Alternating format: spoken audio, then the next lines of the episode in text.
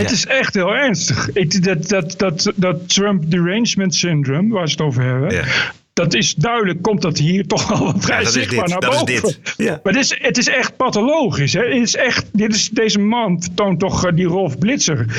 Ja, dat is, het vertoont tekenen van een dwangmatige obsessie. Ja, kijk, weet je, het, het punt is eigenlijk, en je kunt best zeggen van nou, wij zijn af en toe best wel eh, ook geneigd om de positieve dingen van, van Trump Ja. eh, te tonen. Nou, dat is, dat is dan aan ons. Maar wat we nu horen bij Wolf Blitzer, en we hoorden het ook bij Eva Jinek, is, je vraagt niet aan Geert Dalen School, vindt u dat, dat we nou, eh, dat er zo vaak hier Trump-bestje zijn en waar, waar hoort u dat aan? En weet je wel, gewoon laten praten. Precies. Nee, onmiddellijk in de aanval en in de verdediging. En dat zien we hier bij Wolf Blitzer ook. Die, die wil zijn punt maken. Die hoort Rand Paul veel te positief over Trump. En die gaat, er echt, die, die gaat hem niet meer interviewen. Maar die gaat er gewoon met argumenten tegenin. Ik vind het heel leuk dat die media daarvoor voor zichzelf opkomen. En dat ze zeggen, ja, wat Trump zegt doet, doet de media schade wat, eh, toe. Wat Trump zegt doet de journalistiek schade toe. En dan denk ik, daar hebben ze ook wel een punt. Ik bedoel, want niet heel CNN en niet de Washington Post niet de hele New York Times is alleen maar fake news. Verre van dat. Maar ja, als het om bepaalde zaken gaat, als het om Trump gaat, of over Syrië of over Rusland verslaggeven, denk ik wel eens, nou, ik weet het niet meer, zo langzamerhand. Het spijt me, maar ik, ik, ik begin daar toch echt mijn vertrouwen in te verliezen. En ik vind het niet zo heel raar dat steeds meer mensen dat doen. Ja. Het punt is, je kunt je, je programma's en je kleuring zo maken als je zelf wil. En dat geldt ook voor Nederlandse talkshows. Het gaat erom wie je uitnodigt. Wie laat je aan het woord? Even kijken wat ik wilde nog. Oh ja, ik vond nog een mooie uitleg van Trump. eh, wat hij nou precies bedoelt met fake news. En dat hij daar zeker niet alle media mee bedoelt. Because I see it. I see the way they write. They're so damn dishonest. And I don't mean all of them, because some of the finest people I know are journalists. Really. Hard to believe when I say that. I hate to say it, but I have to say. but 75% of those people are downright dishonest. They quote sources. A source within the Trump organization said.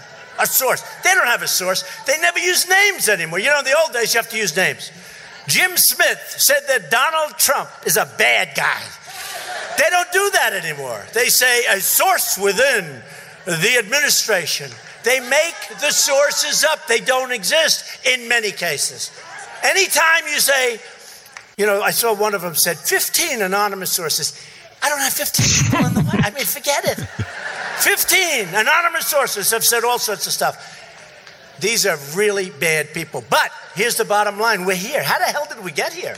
Dit, dit is wat ik bedoel, waar, je, waar, waar het moeilijk dus wordt om dat nieuws te vertrouwen. Exact. Weet je, eh, eh, ik bedoel, eh, ik bedoel, ik vind Trump ook niet per se betrouwbaar hoor. La- Laten we duidelijk zijn. Ik, ik bedoel, bovendien is hij president. Dus dat maakt hem sowieso niet zo betrouwbaar. Omdat hij nou eenmaal president is. Dat is wat politici doen.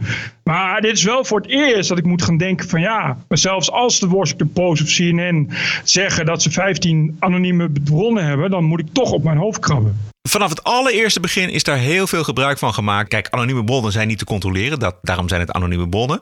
En we moeten de journalistiek geloven dat ze naar eer en geweten die bronnen eh, gebruiken en checken. Hè? Dat is, de, dat is de, de core business van de journalistiek. Maar er waren zo ongelooflijk veel berichten die later ook zijn tegengesproken in alle verhoren die er al zijn geweest. James Comey onder andere. Op basis van bronnen, of ze nou bestaan hebben of niet. Maar ze, ze waren in ieder geval zo slecht ingevoerd. Als het vijf jaar geleden was gebeurd, als, als CNN en de Washington Post tegelijkertijd hadden gezegd, nou we hebben 15 anonieme bronnen, had iedereen gezegd, maar ja, als CNN en Washington Post het zeggen, zal het wel zijn. Er is namelijk geen reden waarom die journalisten dat, dat zouden verzinnen of daarom zouden liegen. En zelfs als het anonieme bronnen zijn, kunnen we erop vertrouwen, et cetera. En dat is nu dus niet meer. Dat is gewoon ernstig.